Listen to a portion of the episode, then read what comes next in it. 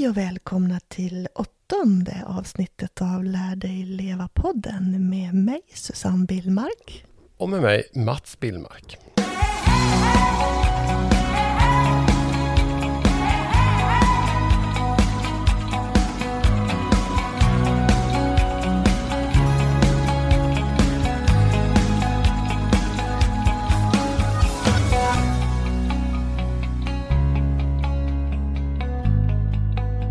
Ja, Susanne, nu är det en månad sedan vi hörde av oss till våra kära lyssnare.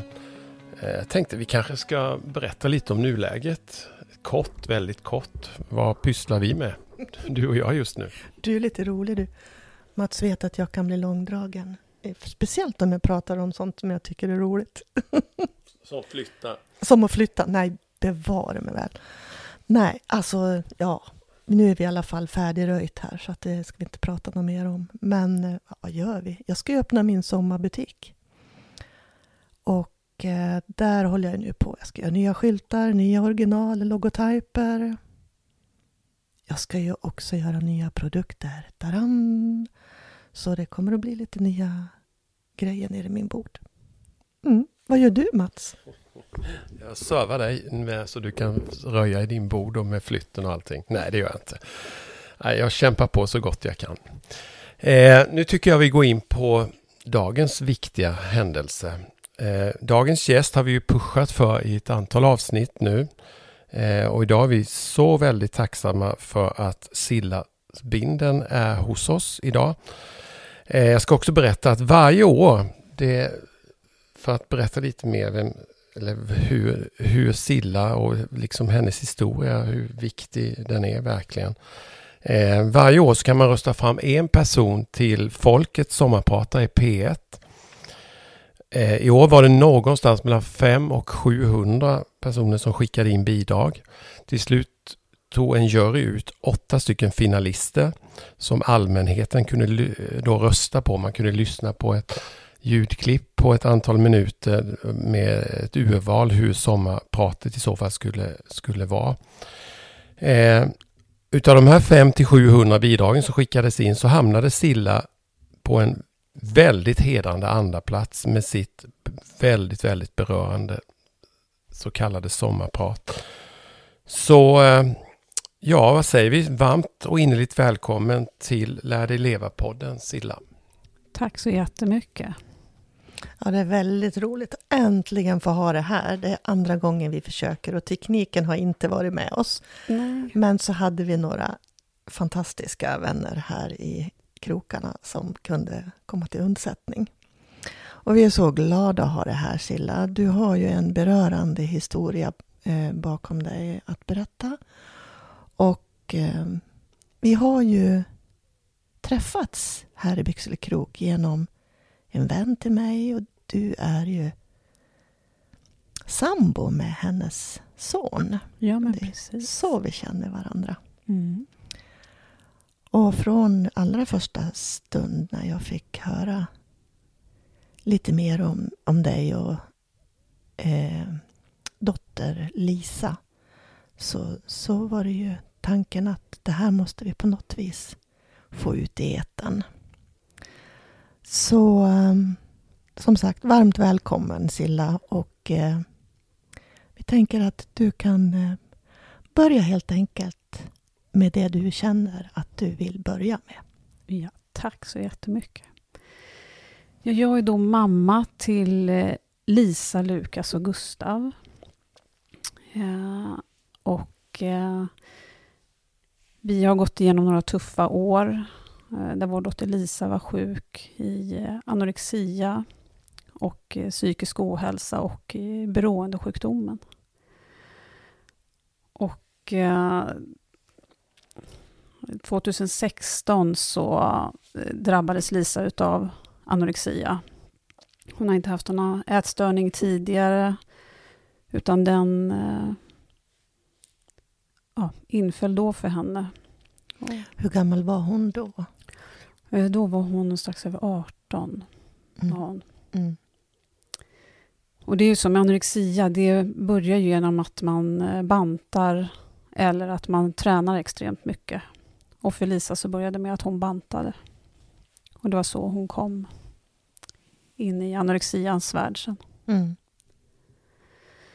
Så vår första sommar, eller vår, det var den sommaren med anorexian kan man säga. För mig har det hela tiden varit så att jag har sett skillnad på Lisa och på anorexian. Så för mig har det varit som anorexia-monstret och Lisa, att jag har skilt lite på dem. Man är ju inte sin sjukdom, så att säga. Nej, nej, mm. absolut mm. inte. Mm. Och det var ju väldigt svårt att få hjälp till Lisa, för hon var ju över 18 år. Och det, det sista som anorexisjukdomen vill göra är ju att få hjälp. Den har ju ett eh, starkt grepp om eh, personen den besöker. Så vi kämpade och kämpade eh, och försökte få hjälp till Lisa. Och eh, man lever ju i en det är svårt att förklara, men när man är i en värld med familjen i anorexian, det, det, inget är normalt. Det är en kamp att försöka få i en matsked med, med mat. Um, och det gick väldigt mycket snabbt utför med Lisa med anorexian. Så vi försökte på alla sätt och vis att få hjälp och till slut så fick vi hjälp på en ätstörningsklinik.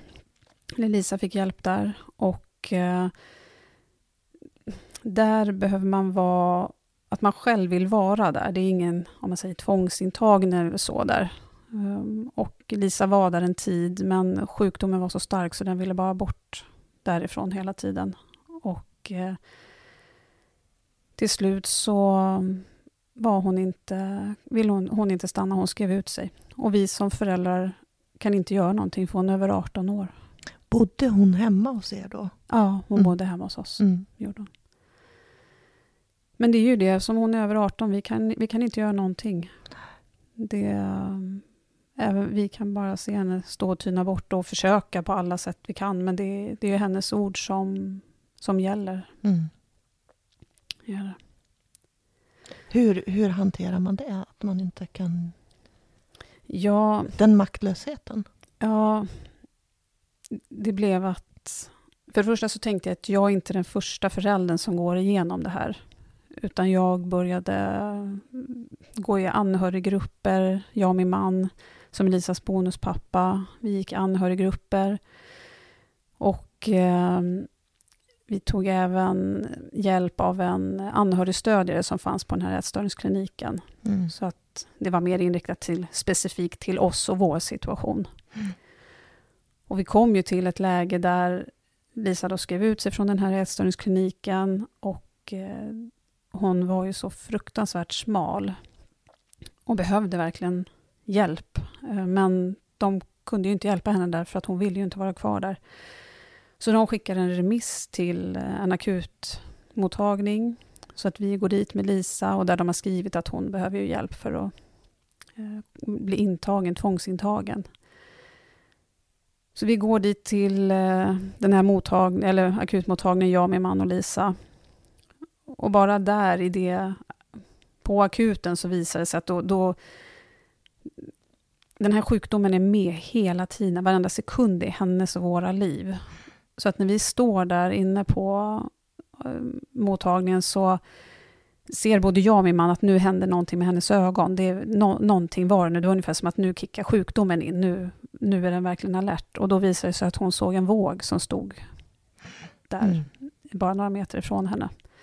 Så min man är snabb fram och eh, ställer sig framför för att hon inte ska kunna väga sig. Ja, och eh, för henne så blir det ju så att, nej men eh, flytta på det nu, jag, nu sluta larva dig, jag vill bara väga mig. och det här lilla anoreximonstret, det vill ju hela tiden försöka se, har jag gått upp i vikt, har jag gått ner i vikt? Och det är, det är en kamp hela tiden. Mm. hon köpte även vågar i smyg hemma. Vi hade ju ingen våg hemma, men det köpte hon i smyg hem. Så när hon var hemma i perioder så stod hon och smygvägde sig hemma. Mm.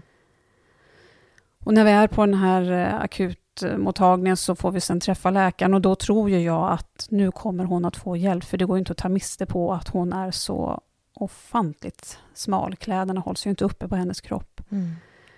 Så jag tänker nu kommer hon få hjälp. Nu har vi till och med en remiss skriven från en ätstörningsklinik. Eh, men eh, så vart inte fallet. Utan Den här läkaren som då träffar Lisa och oss, för vi var även med i rummet, säger till henne att eh, söka hjälp på måndag. Vi var där på helgen då. Mm. Och det är det sista sjukdomen kommer att göra, att söka hjälp på måndag. För den vill ju inte ha hjälp.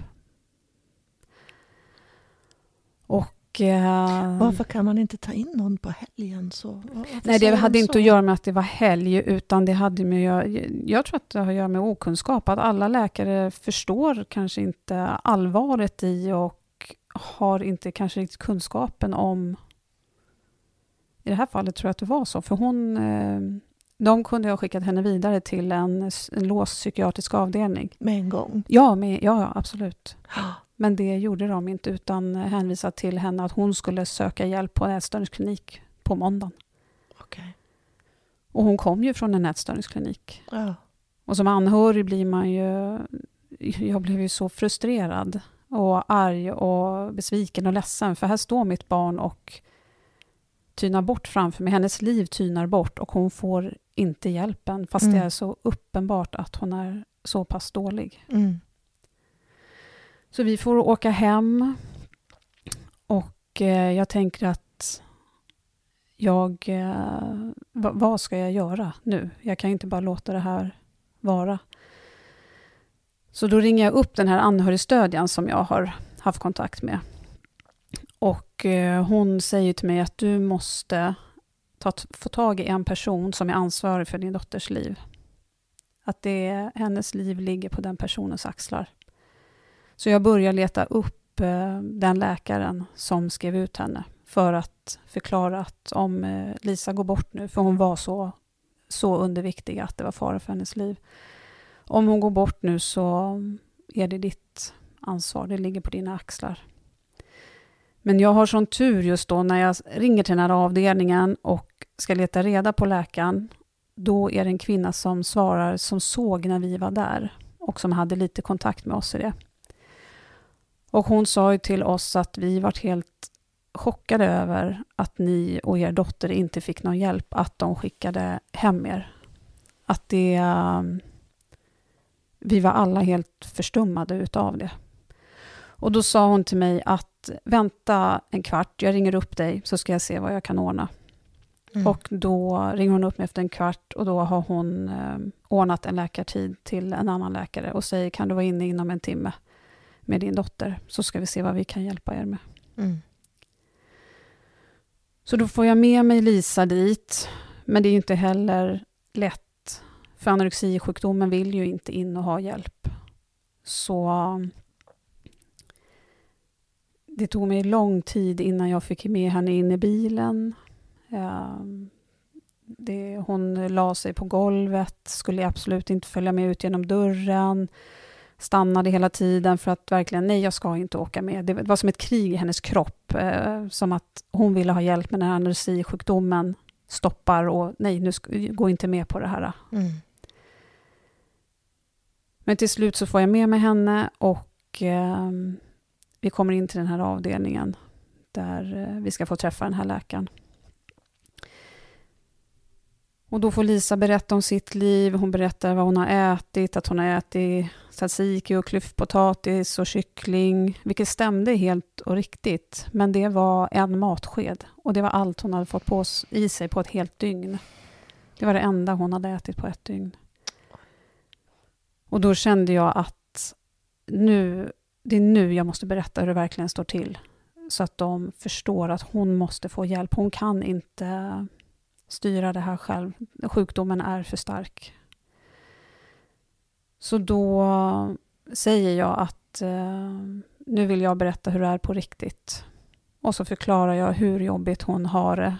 Eh, och inte, hon kan inte äta mat helt enkelt. Sjukdomen är alldeles för stark. Hur tog Lisa det att du helt plötsligt var, var så öppen och ärlig? Liksom? Blev hon, tyckte hon att det var liksom bra att du var så ärlig? Eller tyckte hon att det var förjävligt att, att du steg in där och berättade liksom sanningen som det var? Hon tyckte det var förjävligt. Hon tyckte det? Hon eh, tittade på mig och frågade, vad gör du mamma? Ja, ja vad gör du? De kommer ta in mig nu mm. om du, när du berättar det här. Mm. Och jag kände, jag har ingen... Eh, Alltså det finns inget annat val. Det är ju jättejobbigt att ens barn är så dålig att hon måste låsas in på en avdelning.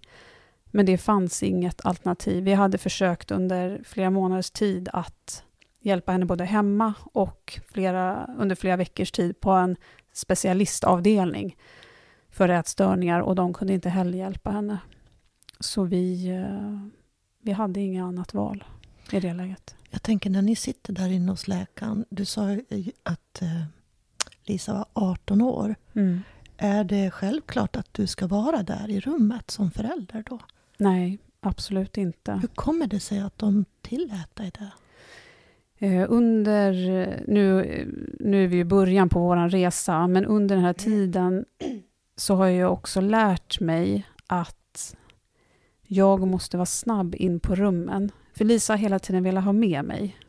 Okay. Eh, för hon kände ett stöd i mig och att jag var, var med och så.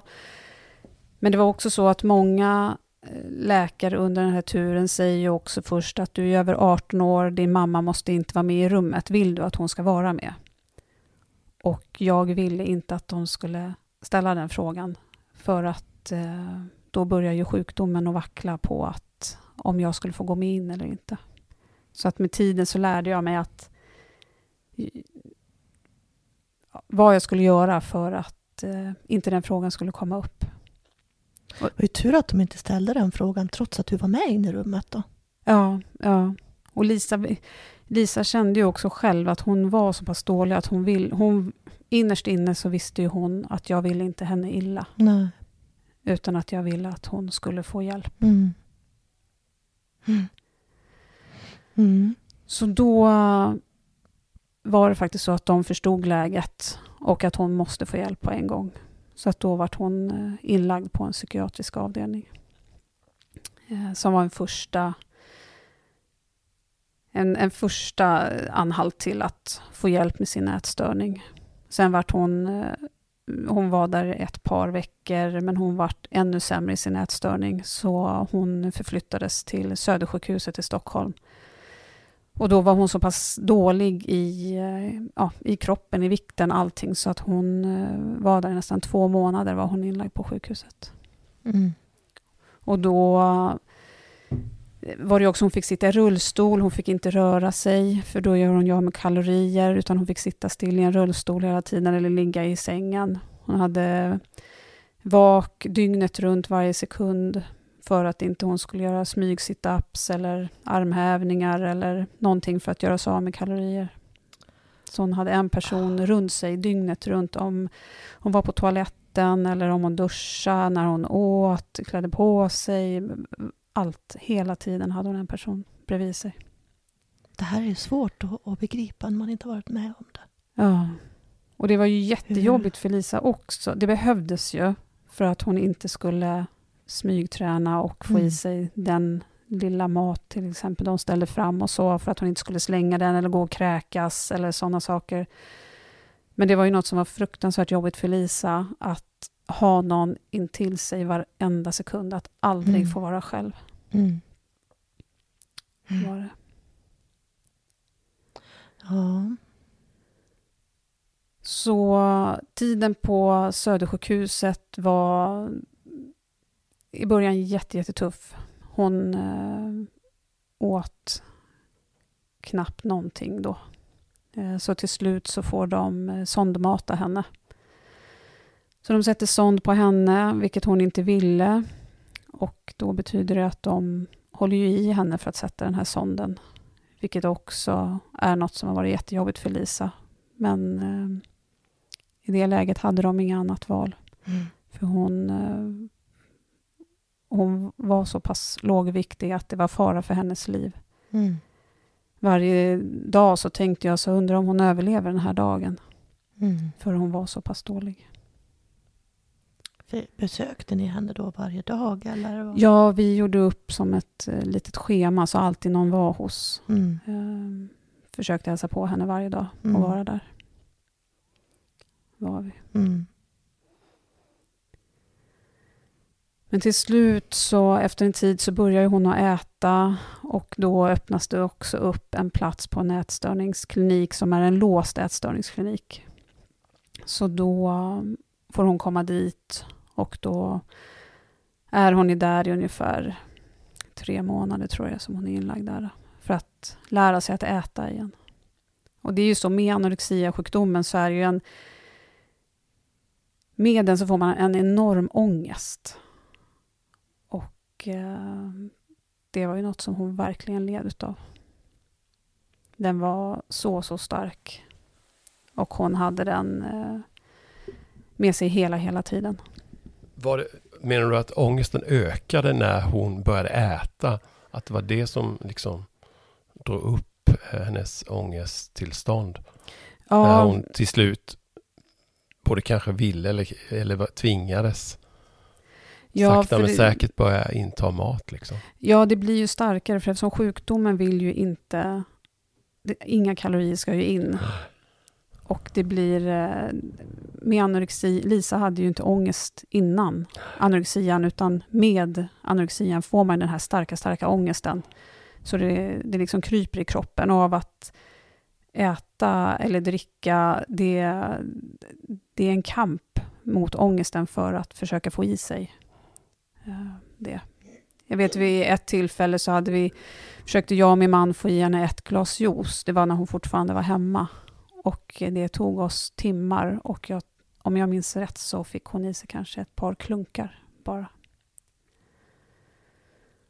Jag tänker eh, med det här med ångesten också, hur eh, när man behandlar någon med anorexi, det kanske vi kommer att prata mer om sen, men eh, så borde det ju vara prioritet på att behandla ångesten. Ja, jag är för dåligt insatt i just hela behandlingsbiten. Mm. Men, eh, och eftersom hon var över 18 så fick ju inte jag information. Nej, du hade inte insyn i vad de gjorde? Nej, nej. Emellanåt fick jag vara med på några möten. Mm. Men eh, jag var inte helt insatt i det. Men hon fick eh, viss medicinering mot ångesten. Mm, okay. Och samtal hade de väl också. Mm. Och att jag, jag, vet på någon klinik hon var så var det också alltid efter de hade ätit så fick de gå och vila. Mm. Så att eh, mm. det... Mm. Men det är också, det var... Jag vet efter tid när Lisa hade varit på den här ätstörningskliniken så fick hon börja komma hem på permission. Och eh, när jag sen ska åka tillbaka med Lisa till avdelningen, det är ju, hon vill ju inte tillbaka. Hon vill ju bara vara hemma med sin familj. Hon vill ju inte bo på ett sjukhus. Och just som mamma, att behöva lämna henne på avdelningen, det är något som är så fruktansvärt tungt. Jag vet vid ett tillfälle då har vi gått in på den här låsta avdelningen och vi står liksom inne på avdelningen och sen så ska jag gå ut därifrån och hon vill verkligen inte att jag ska gå. Så personal står med henne och jag går ut till den här dörren och ser genom glasrutan hur hon bara står och skriker. Jag vill vara med min mamma. Mm. Och det, det skär i själen att gå därifrån. Ja. Vid många gånger när jag lämnade avdelningen så fick jag gå ner och sätta mig i bilen och satt och bara grät för att det, det var så fruktansvärt jobbigt. Det spelar ju ingen roll hur gammalt ens barn är. Ens barn är ju ens barn. Ja, ja. Oavsett ja. ålder. Mm. Mm. Men något som jag också känner, Lisa vart ju sen eh, eh, normalviktig. Hon började ju äta mat och fick hjälp med ångest och allt sånt där. Så att hon vart ju sen normalviktig. Hur lång tid tog det liksom från att hon började äta hyfsat regelbundet till att hon blev normalviktig igen? Eh, det kanske tog en eh, fyra, fem månader skulle jag tippa på. Ungefär någonstans där. Gjorde det. Och det var på den här slutna beroendemottagningen? Ja, hon började ju äta när hon låg när hon var på Södersjukhuset så började hon ju äta lite mm. där. Um, och sen så på den här slutna avdelningen. Mm. Men det kanske var ja, fyra månader någonstans där. Mm. Och då var hon normalviktig igen. Var hon. Men något som jag också tycker är viktigt att få sagt är att om någon lyssnar på det här som lider av en ätstörning, det behöver inte vara anorexia. Det kan ju vara bulimi eh, eller någon annan ätstörning att det går att bli frisk. Mm. För det går en liten myt runt om att man inte kan bli frisk. Har man en gång haft ätstörning så kan man inte bli frisk, men det kan man bli. Och det tycker jag är viktigt att folk får höra och får veta det. Vi behöver skapa lite hopp. Ja, ja. Mm. Och att anhöriga får veta att det är inte ditt fel. Mm. Jag var ju den första ätstörningskliniken som Lisa var på. Jag var och träffade grundaren till den ätstörningskliniken för några månader sedan. Och då frågade jag henne just vad behöver den som har en ätstörning få höra och vad behöver en anhörig få höra?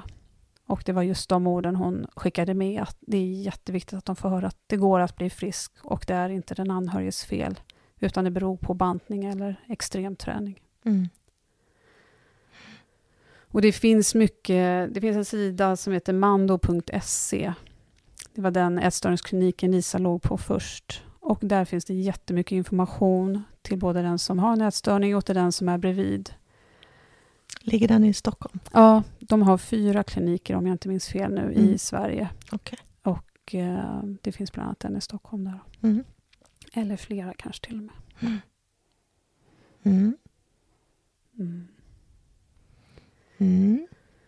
Så då kommer Lisa hem till er där sen då?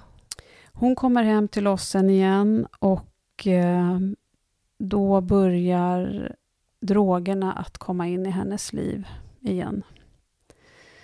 Lisa hade under gymnasietiden prövat på droger, vilka vet inte jag. Eh, men eh, hon hade ju ett uppehåll från dem under den här tiden.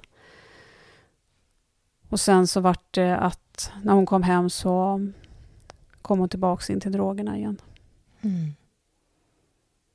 Och då blev det... När man tar droger så blir man ju helt personlighetsförändrad.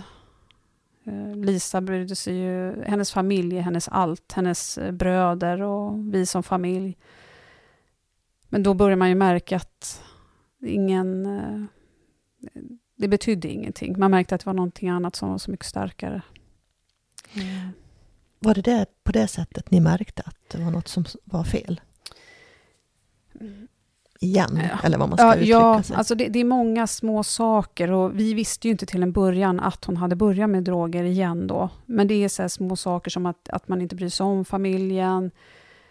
Eh, Man kanske inte dyker upp till exempel när någon fyller år. Sånt som var jätteviktigt för henne annars att fira när någon fyllde år. Det var ja, men många så små, små, små saker. Att eh, inte svara när man ringer, inte höra av sig. Eh, massa små saker som i stora helheten binder ihop det. Och eh, till slut så mm, kom vi till en situation där, Lisa hade ju körkort, så hon var ju ute och körde bil. Och till slut så vart det en situation, Eh, vi kände hemma att det är någonting nu som inte stämmer. Hon hade inte berättat då att hon hade börjat ta droger igen, men vi kände att det är någonting nu. Men hon har inte sagt någonting. Och jag och min man sitter på hans jobb och vi ska ha lite krismöte kring vad är det som händer med Lisa just nu. Vi måste få bukt på det här. Vad är det som händer för någonting? Och vi, hit, vi hinner bara sitta fem minuter på den här lunchen där vi ska ha vårt lilla krismöte. Då ringer Lisa och berättar att hon har varit ute med eh, kört bil och den har eh, snurrat runt i tre körfält. Eh, Inte att hon har wobblat runt med bilen utan liksom snurrar runt och hon stannar i ytterfältet med nosen på bilen motsatt körriktning. Och eh, det visade bara vad kaosigt allting var för oss just då. Vi hinner inte ens sitta fem minuter och hon ringer och nu har nästa grej hänt igen.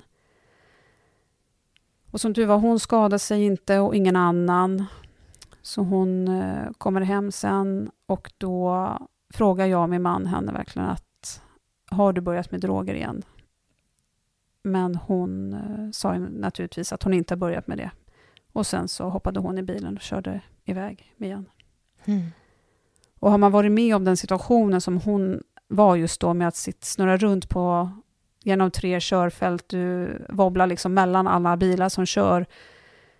Det är ganska uppskärrande, då sätter man sig inte bakom ratten igen. Nej. Det var ett tecken på att hon på något sätt var avtrubbad. Ja, ja mm. att det här är inte rätt. Mm. Och i den vevan också så gick vi även in i hennes hus som hon bodde i på tomten, en liten stuga. Och Eh, för vi kände att vi måste, vi, vi, måste försöka hitta någonting. Vad är det som händer? Och då när jag går in i hennes stuga så är det sånt kaos där inne. Det, är, det går inte ens att se golvet. Det är saker överallt. Det är som en matta av saker. Det är en flyttkartong som hon har börjat lägga pussel på med alla pusselbitar utspridda överallt i den här lilla stugan med eh, kläder, mat, saker, flytta hemifrån grejer, ja, allt möjligt. Och det bara visar vilket kaos det var inne i henne. För man mm. kunde inte ens ta ett steg innanför dörren. Mm. Där började alla saker att vara. Mm. Och då var det också vid något tillfället där som jag eh, hittade droger inne hos henne. Och Lisa har hela tiden vetat att tar du droger så kan du inte bo hemma. Du får jättegärna bo hemma, men eh, vi kan inte ha dig hemma om du tar droger. Mm. Så var det för oss. Ehm. Det var ju också mycket för att ni ville skydda andra, er andra barn. Ja, ja. Mm. Mm. Och i det läget så, våran son, den äldsta, Lukas, som nu är 22, eh, han, den sommaren med anorexian hemma, som var innan det här, just den här drogepisoden, då minns jag att den sommaren 2016 sitter han och jag ute på gräsmattan och eh, vi försöker bara rädda Lisa då i anorexian. Och jag säger till honom att Lukas, jag är fullt medveten av vad som händer just nu. Att jag hinner inte med dig. Och då tittar han bara på mig och säger att mamma, jag vet det, men jag vill att du gör allt för att rädda Lisa. Och i samband med den vevan så flyttar han sen också hem till sin tjej och hennes mamma. Mm. För det var en helt ohållbar situation att bo var, var hemma hos oss mm. med anoreximomonstret under taket. Det var ingen normal familj där hemma. Men ni hade ju också en yngre Ja, lilla son. Gustav, ja, mm. som var fem år mm. just då. Mm.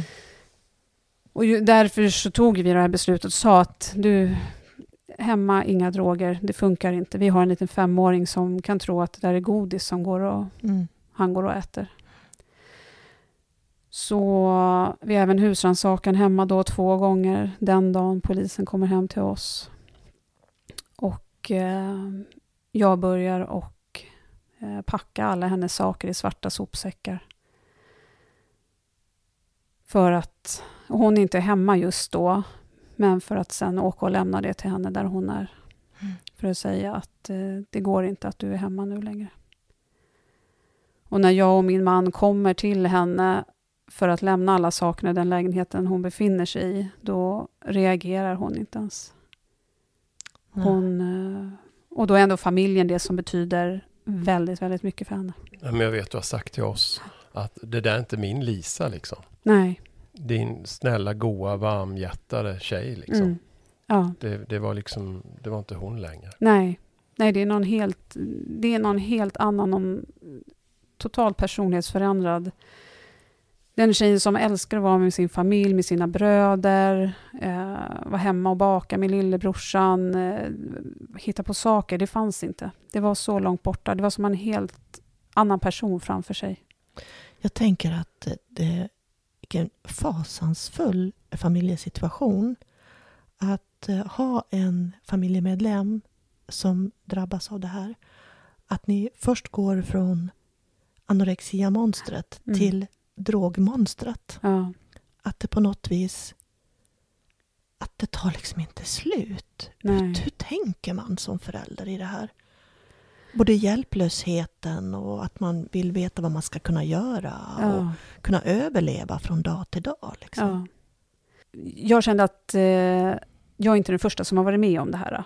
Att andra har gått i de här skorna innan mig. så jag och min man har hela tiden tagit hjälp. Vi har tagit hjälp av anhöriggrupper, både med anorexian och med drogerna. Och jag eh, tog reda på kunskap kring hur det är att vara anhörig. Det finns en tjej som heter Karina Bong som har skrivit jättebra böcker eh, om att vara anhörig. Eh, en bok som heter Du är viktig och en bok som heter Släpp kontrollen, vinn friheten. Och de har hjälpt mig jättemycket i det här. Och även vår sommar med anorexian 2016, då kände jag att mitt barn behöver mig mer än någonsin. Hon har aldrig behövt mig så mycket som hon gör nu, när hon är så sjuk och mår så dåligt. Så då började jag att springa. Jag började dricka gröna smoothies. Jag började läsa yogaböcker. Inte för att göra yogapositionerna, men för att bli grundad i psyket, i huvudet och liksom för att vara så stark som möjligt nu, för det behöver hon utav mig. Jag började klä mig i yogabyxor. Eh, så jag gick allt, det gör jag fortfarande. Jag har svarta yogabyxor och en svart t-shirt och det var liksom på något sätt för att det här, det här var min kamp nu. Jag måste vara så stark som jag aldrig någonsin har varit, för hon, mitt barn behöver mig så mycket just nu. Mm. Och det har jag eh, på något sätt haft med mig genom hela vår resa. Mm. Uh, naturligtvis har jag inte alltid varit på topp, uh, för man är inte mer än människa. Men jag har försökt att ha med mig det här hela tiden. Mm. Har jag. Vad händer sen? Du lämnar de här, eller ni lämnar de här sopsäckarna till Lisa på den där trottoarkanten. Vi eh, kopplar ju in SOS, förklarar läget att en, eh, vår dotter inte har något hem nu, hon har ingenstans att bo och eh, ramlar in orosanmälningar. Så de kontaktar ju henne och eh, ja, till slut får hon hjälp med behandlingshem. Eh, så under under flera år så är Lisa till och från på behandlingshem, men hon är inte i, hon är inte i droger hela tiden, utan i långa perioder så har hon jobb och ja, ett drogfritt liv. Mm. Men det är ju eh, långa stunder på behandlingshem. Mm. Är det. Och jag vet vid ett tillfälle, för jag och min man kände att, att hon är ute och kör bil drogpåverkad är ju inte bra vare sig för henne eller någon annan i trafiken. Vad som helst kan ju hända. Så min man är ute lite då och då för att försöka se om han kan hitta Lisa när hon är ute och kör med bilen. Han vet ju ungefär var hon är någonstans och sådär. Och när han står vid en rondell så kommer hon körandes i alldeles för hög hastighet genom rondellen och ut på motorvägen. Så ringer han upp mig och berättar att jag har Lisa framför mig nu och eh, det här är inte bra så som hon kör just nu. Så i det läget så tar vi beslutet att ringa till polisen. Så han ligger efter Melissa i bilen hela tiden och har polisen i eh, eh, örat och förklarar vart hon är någonstans och vart hon tar vägen. Så att de, eh, när hon eh, stannar bilen, då kommer precis polisbilen och eh, tar, tar hand om henne där. Mm. Och i det läget även så frågar polisen som är då i, ja, i telefonluren till Isak om han kan vara, med och vittna, min man då, då. Och då förklarar han för dem att det vill inte jag göra. Det är min bonusdotter som sitter i bilen. Jag vill inte det. Och det var de helt fine med. så. Mm. Men vi kände ju att för Lisas skull och för alla andra, hon kan inte köra bil. Och hon vart då av med körkortet och satte sig inte bakom ratten någon gång mer. För någonstans fanns en gräns även för henne vad hon ja. kunde ta sig till med. Ja. Mm. Jag tänker att det är mycket extrema extrema situationer man hamnar i som förälder. Ja. Och extrema beslut som måste tas. Ja. Bara en sån sak som att ringa polisen och sätta dit i princip ja, ja. Sin egen, mm. sitt eget barn. Ja. Eh, hur, hur tänker man kring de här besluten som... Det är ju precis som du säger, det är ju jättejobbigt. Det är ju vårt barn. Mm. Och min mans bonusdotter och vi sätter ju dit henne. Ja. Eh, Men vi kände att för hennes skull och för alla andra. Om vi säger att Lisa skulle ha kört in i en barnfamilj och leva med att kanske till exempel att de inte klarade sig i, en bilolycka. Mm. Och även för de som kanske hade blivit drabbade. Jag Ja. tänker också en sån här sak som att stänga ute sitt barn från hemmet. Ja, måste ju också vara oerhört tufft. Ja det är jätte, jättejobbigt. Eh, och det är inget man måste göra, men vi hade inga annat val. Nej. När man är i ett beroende så är de anhöriga jätte, jätteviktiga. Eh, Men i vårt fall så fanns det inget val för oss. Men hon visste ju ändå att ni fanns där. Även om hon inte bodde hemma så, Ja, så fanns ni ju till för henne hela Ja, tiden. Och ja. tillgängliga för henne hela tiden. Vi sa ju hela tiden att vi finns där och du är välkommen hem så fort du slutar ta droger. Alltså det, vi hördes ju av hela tiden Mm. och så. Eh, Förutom när hon gick in i lite tyngre perioder, då hördes vi ju inte av. Mm. Men det är också så här som, vi har alltid haft en väldigt god kontakt med varandra och pratat mycket och så. När jag vet vid ett tillfälle när hon är på ett behandlingshem, då har inte vi träffats på flera veckor eller hörts. Och eh, då har det kommit till det läget att hon får ta emot besök, att vi får komma till henne. Och då var hon uppe i Norrland. Och jag och min man bestämmer att han och jag och vår lilla son ska åka upp dit och eh, hälsa på Lisa. Men vi bestämmer också att eh, lilla Gustav, då, vår minsta son, att han får inte vara med i början, utan att jag träffar Lisa och sen får vi se hur statusen är, om det är läge för att de två ska träffas. Mm. Och då vet jag att när jag kommer dit så kommer jag in i den här stora villan där hon är och så kommer jag in i hallen och en personal ja, frågar vem det är jag ska besöka och så, så går de och hämtar Lisa och då har inte vi träffats på flera veckor och det är också så, jag har ju ingen aning om vad som har hänt i hennes liv.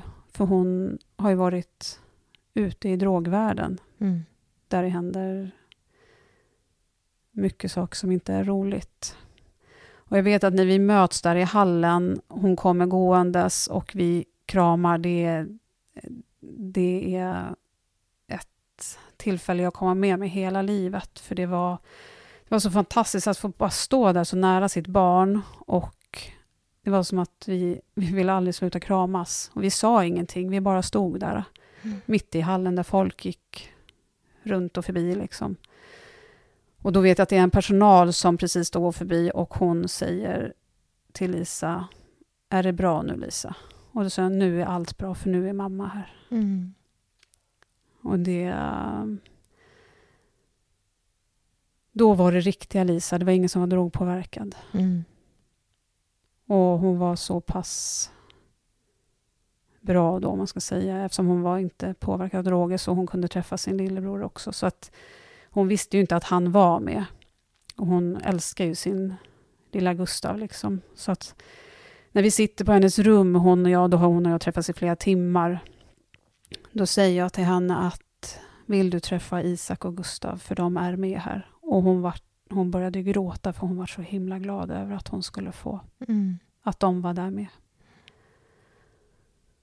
Och det, även vid det tillfället så berättar jag att det är vi som har ringt polisen eh, efter dig när du körde bil. För det visste ju inte hon då att det var vi.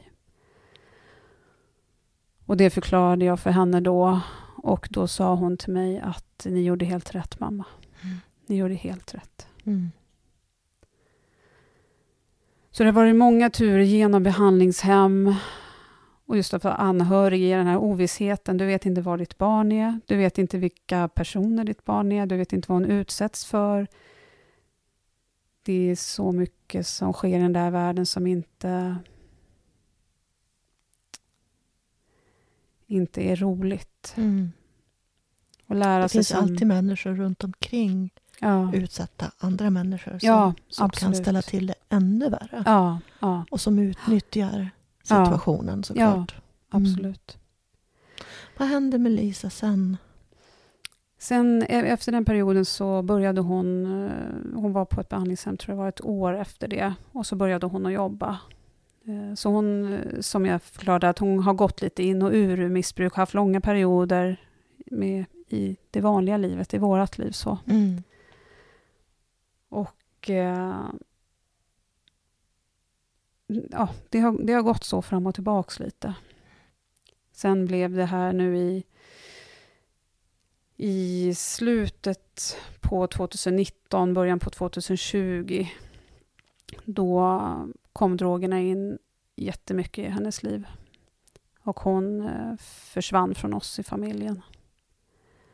Igen? Igen, ja.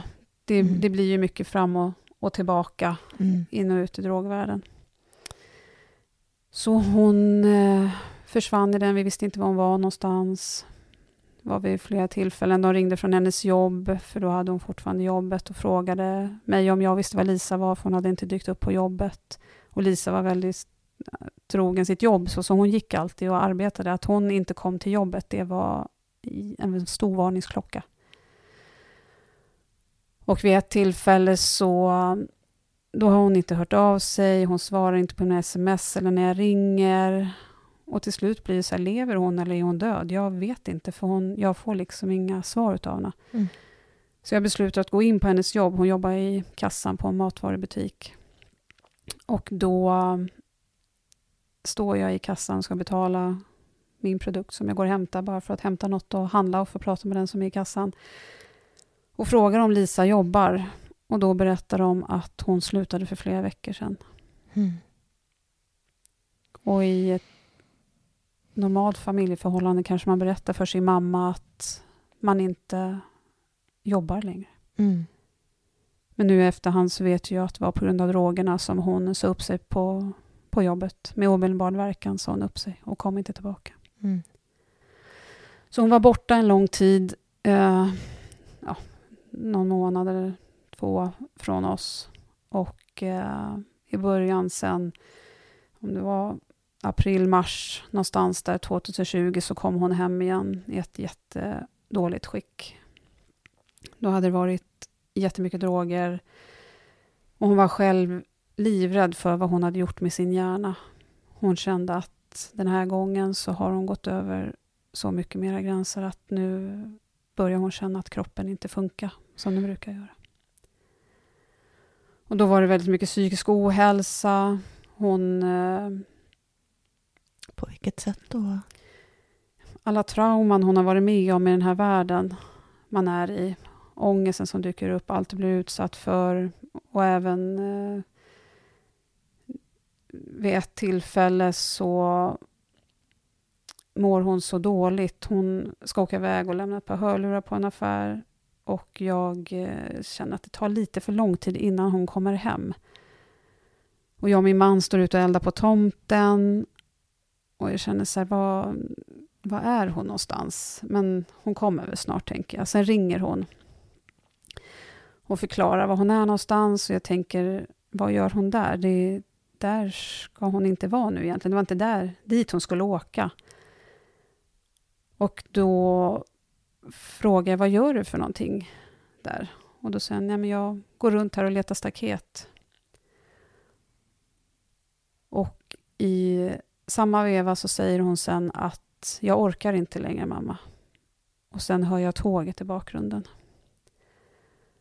Och då står jag med min man ute på tomten och jag förstår att jag har, jag har inte en sekund att förlora nu, så jag bara går. Jag säger inte ens någonting till man, min man. Jag bara går och hämtar bilnyckeln och sätter mig i bilen och eh, frågar Lisa, vill, vill, du att jag kommer?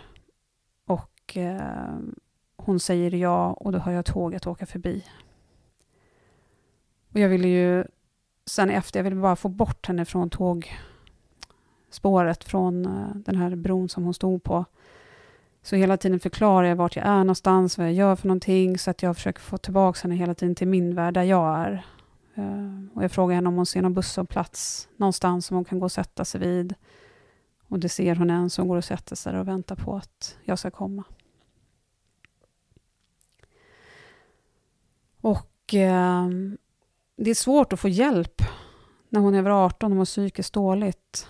Eh, hon vill inte att någon ska komma hem. Jag har försökt få hem psykjourteamet. De vill inte komma hem om inte hon säger ja till att de ska komma hem till oss. Och eh, ja, vi kämpar med SOS och med alla för att försöka få hjälp. Allt hänger på frivillighet när man har blivit myndig. Ja, allt gör Mm. det. Mm. Och sen så kommer hon upp till ett behandlingshem i juli, augusti där 2020. Men hon eh, avviker från det och eh, kommer in i djupt missbruk igen. Och SOS har kontakt med henne och försöker hjälpa henne och att hon ska komma tillbaks till behandlingshem och så. Ehm, och det kommer sen till ett läge där de har kontakt med Lisa och att hon ska komma in på, på tvångsvård. Eh, Eftersom hon inte kommer in självmant så. Ja, men det är intressant. Vad krävs för det?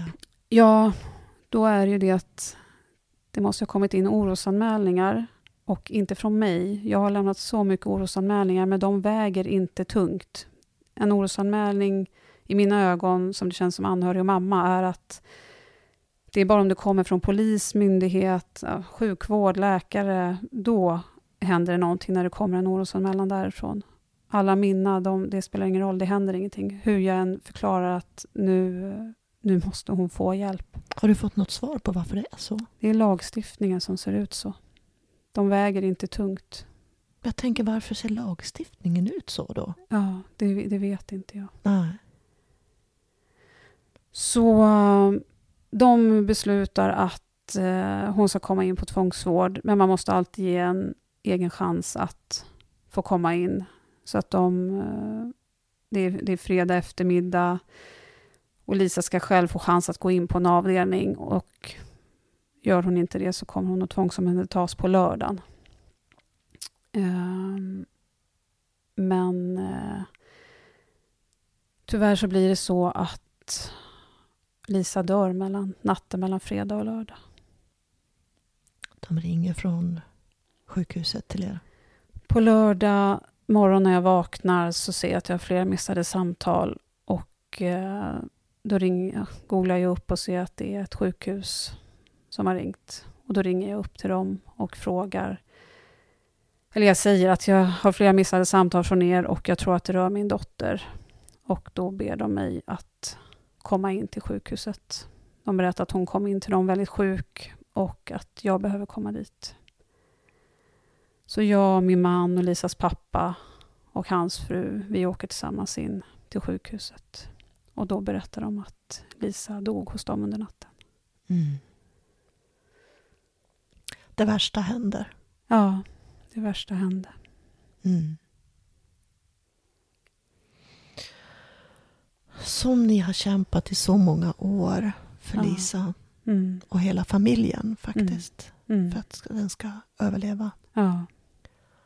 Och så, så mycket energi, så mycket kraft, så mycket ni har försökt ge och hjälpa. Mm. Och Lisa dör ändå. Mm. Vad händer med er då? Ja, vi... Eh, det blir som att livet sätts på paus. Eh, för mig var det som att jag ser att allting pågår som vanligt runt omkring mig. Men jag står som still i en bubbla, inget är som vanligt. Och... Eh,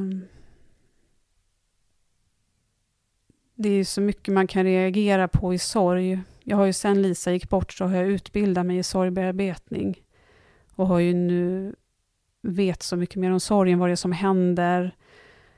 Och för mig var det ju så att jag till exempel inte kunde äta mat. Eh, det kan också bli så att man börjar överäta. Eh, jag kunde inte sova eh, på nätterna. Jag kunde vara vaken 3, 4, 5, 6, 7 timmar per natt. Eh, det gick inte att sova. Det var kroppen, det, det gick verkligen inte. Mm. För en del kan det ju bli så att man bara sover och att man känner en sån enorm trötthet som inte går att sova bort. Mm. Den sitter, den, den är, det är som ett täcke över en trötthet. Du kan knappt hålla upp ögonen. Det kan bli att du får humörsvängningar, koncentrationssvårigheter. Jag vet att jag satt och tittade på TV, men jag förstod inte ens vad det var som hände på TVn. Mm. Jag ser bara att någonting rör sig. Det går inte att koppla ihop någonting. Mm. Jag förstod inte ens... Vid ett tillfälle ska man med mitt företag betala en räkning, men jag förstod inte ens hur man betalar en räkning. Mm. Det går så pass långt så jag ringer till det företaget jag fått räkningen av för att fråga om de har något problem i sitt system, för att jag kan inte betala den. Men det var inte det. det när min man kommer hem, då säger han, men Silla, du måste ju skriva i OCR-numret. Men det, det var liksom helt... Mm. Inget fungerar i min kropp, inget fungerar i huvudet, kroppen, någonting. Det är som att hjärnan stänger av? Eller? Ja, ja. Och alla människor, vi alla är ju unika och all sorg är ju unik också. Mm. Eh, så man reagerar ju på olika sätt, men så vart det för mig. Mm. Vi tar en eh, liten paus här tror jag nu, så fortsätter vi.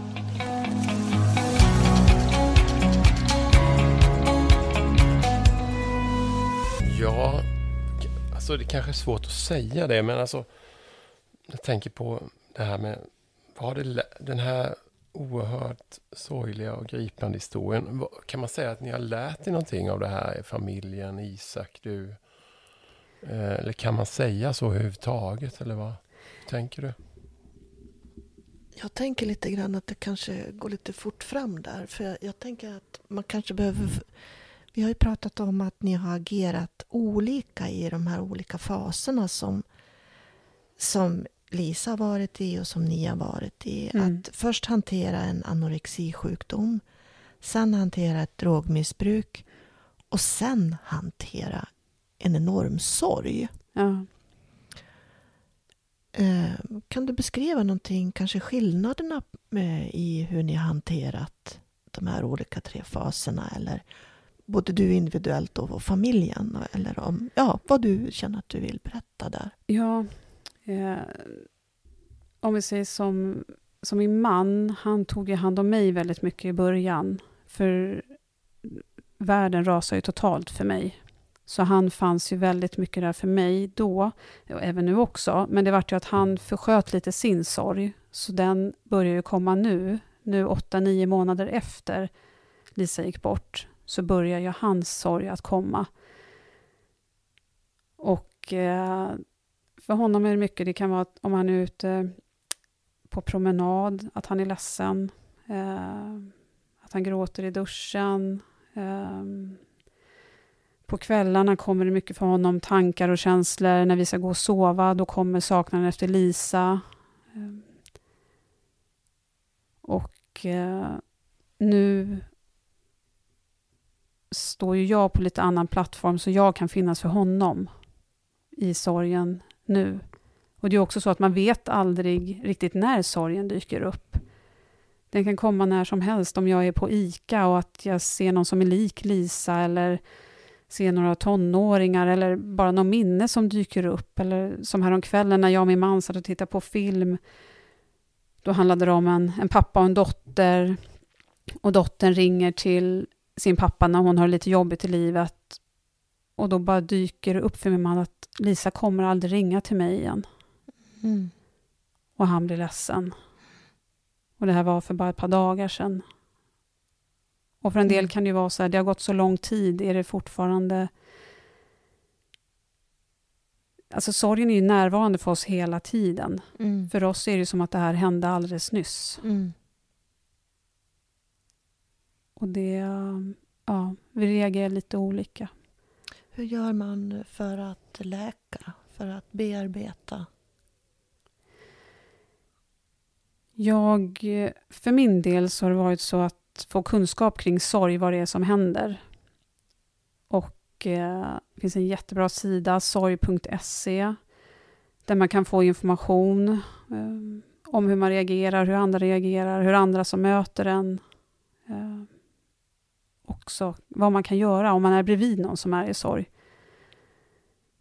Och det är ju... För oss var det till exempel att, att laga mat, det fanns inte på kartan.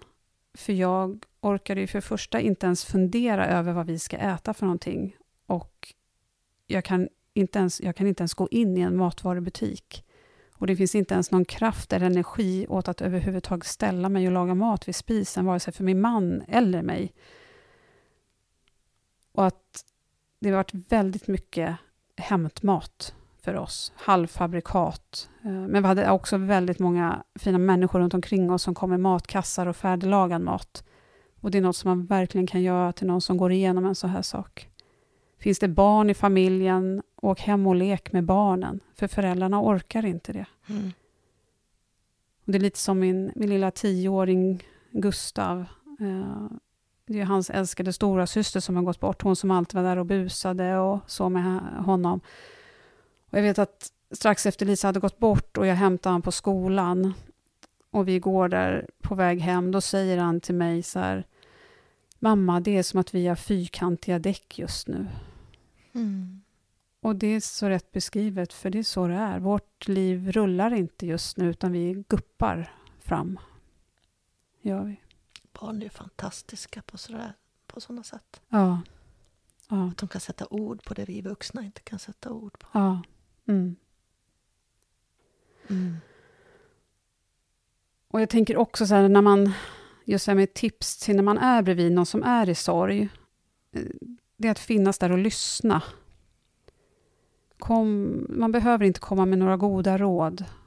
Eh, ofta kan det vara att man inte vet vad man ska säga när man möter någon som är en sorg. Och i stort sett så behöver du inte säga någonting. Du kan vara där, finns där, lyssna, krama om eh, och verkligen lyssna på riktigt. På, på något sätt bekräfta att man bara vet om sorgen. Ja. ja. Mm.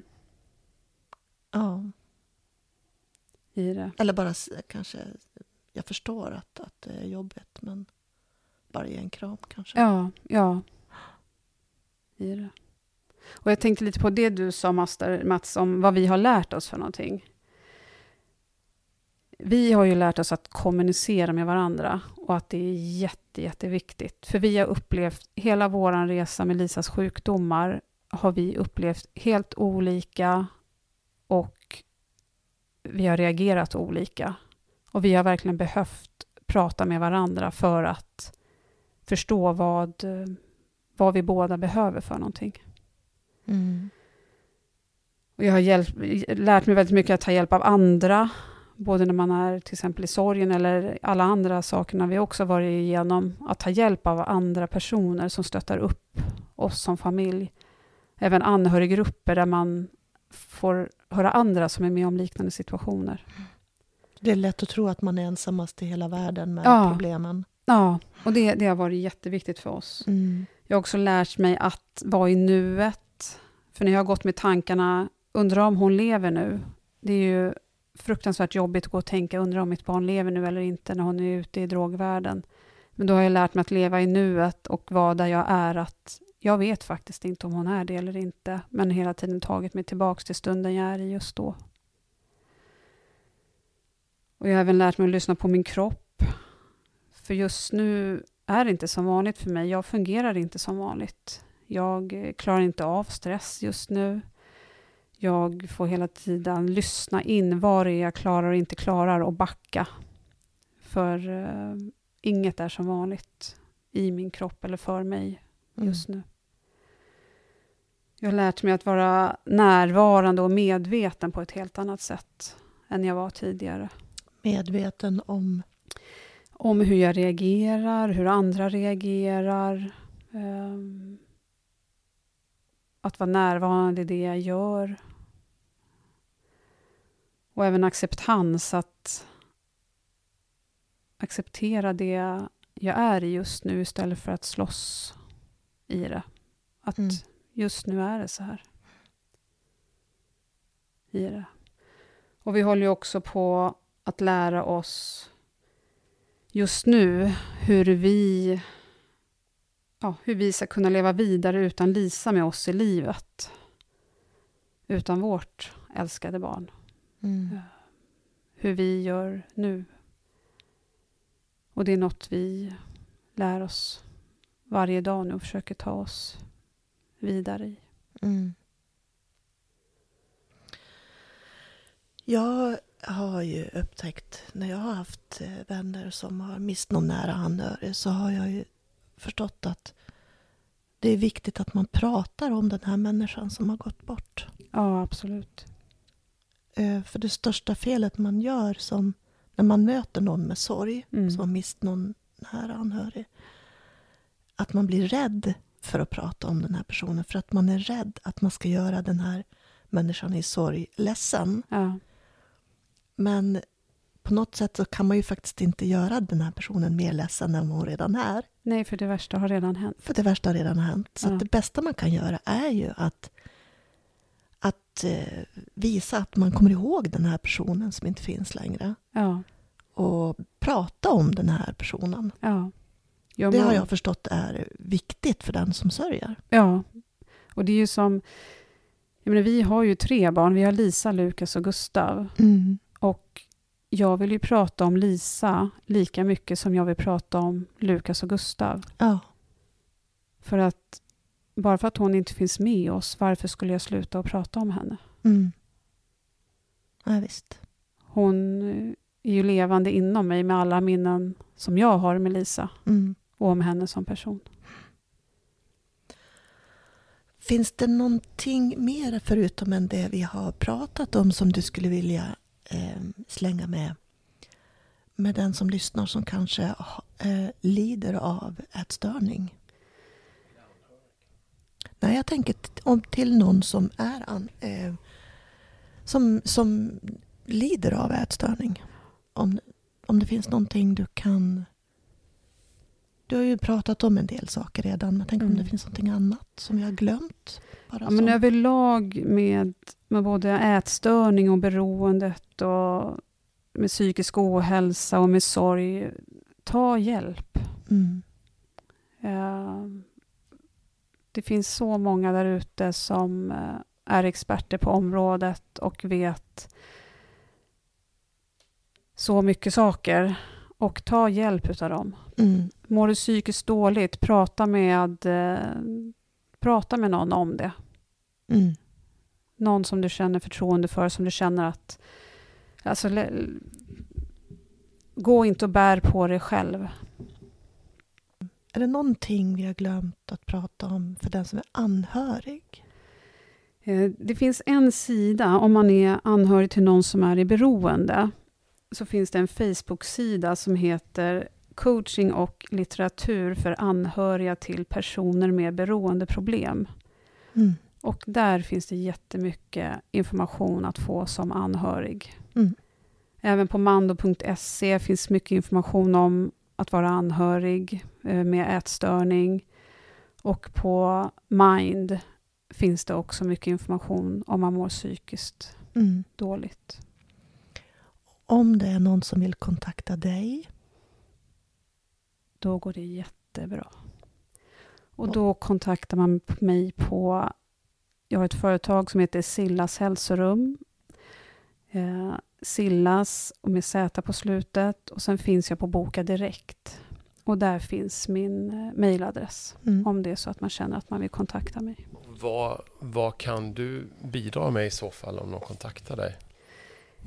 Eh, jag har ju en utbildning nu inom sorgbearbetning. Eh, jag har även en utbildning inom craft om man är anhörig till någon med beroendeproblem. Jag har även så här walk and talk-samtal där man kan få prata som anhörig.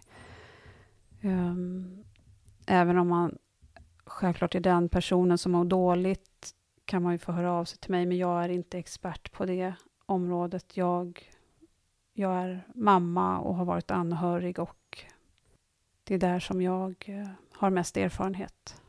Men man är hjärtligt välkommen att höra av sig till mig om man vill. Ja, Silla, ett stort, stort tack för din enorma öppenhet och din... Ja, jag tror att du har bidragit mycket med det här samtalet med både de som är ja, i Lisas situation och i det, som förälder och anhörig. Det har varit fantastiskt, ja, fantastiskt att du går ut så öppet med din historia. Det, det kommer bidra mycket, det är jag 100% säker på. Tack så jättemycket för att jag fick komma. Ja, väldigt fint att du kom hit till oss. Ja, jag känner mig lite tagen, även om jag har hört din historia tidigare. Men eh, tack Silla. Tack så jättemycket. Så avslutar vi här och hoppas att ni har fått med er lite verktyg. Och eh, var rädda om er. Det är semestertider nu och det är en intensiv period. Där det många tycker att det är mycket som ska hända. Men försök komma ihåg och ta lite små andetag och pauser ibland.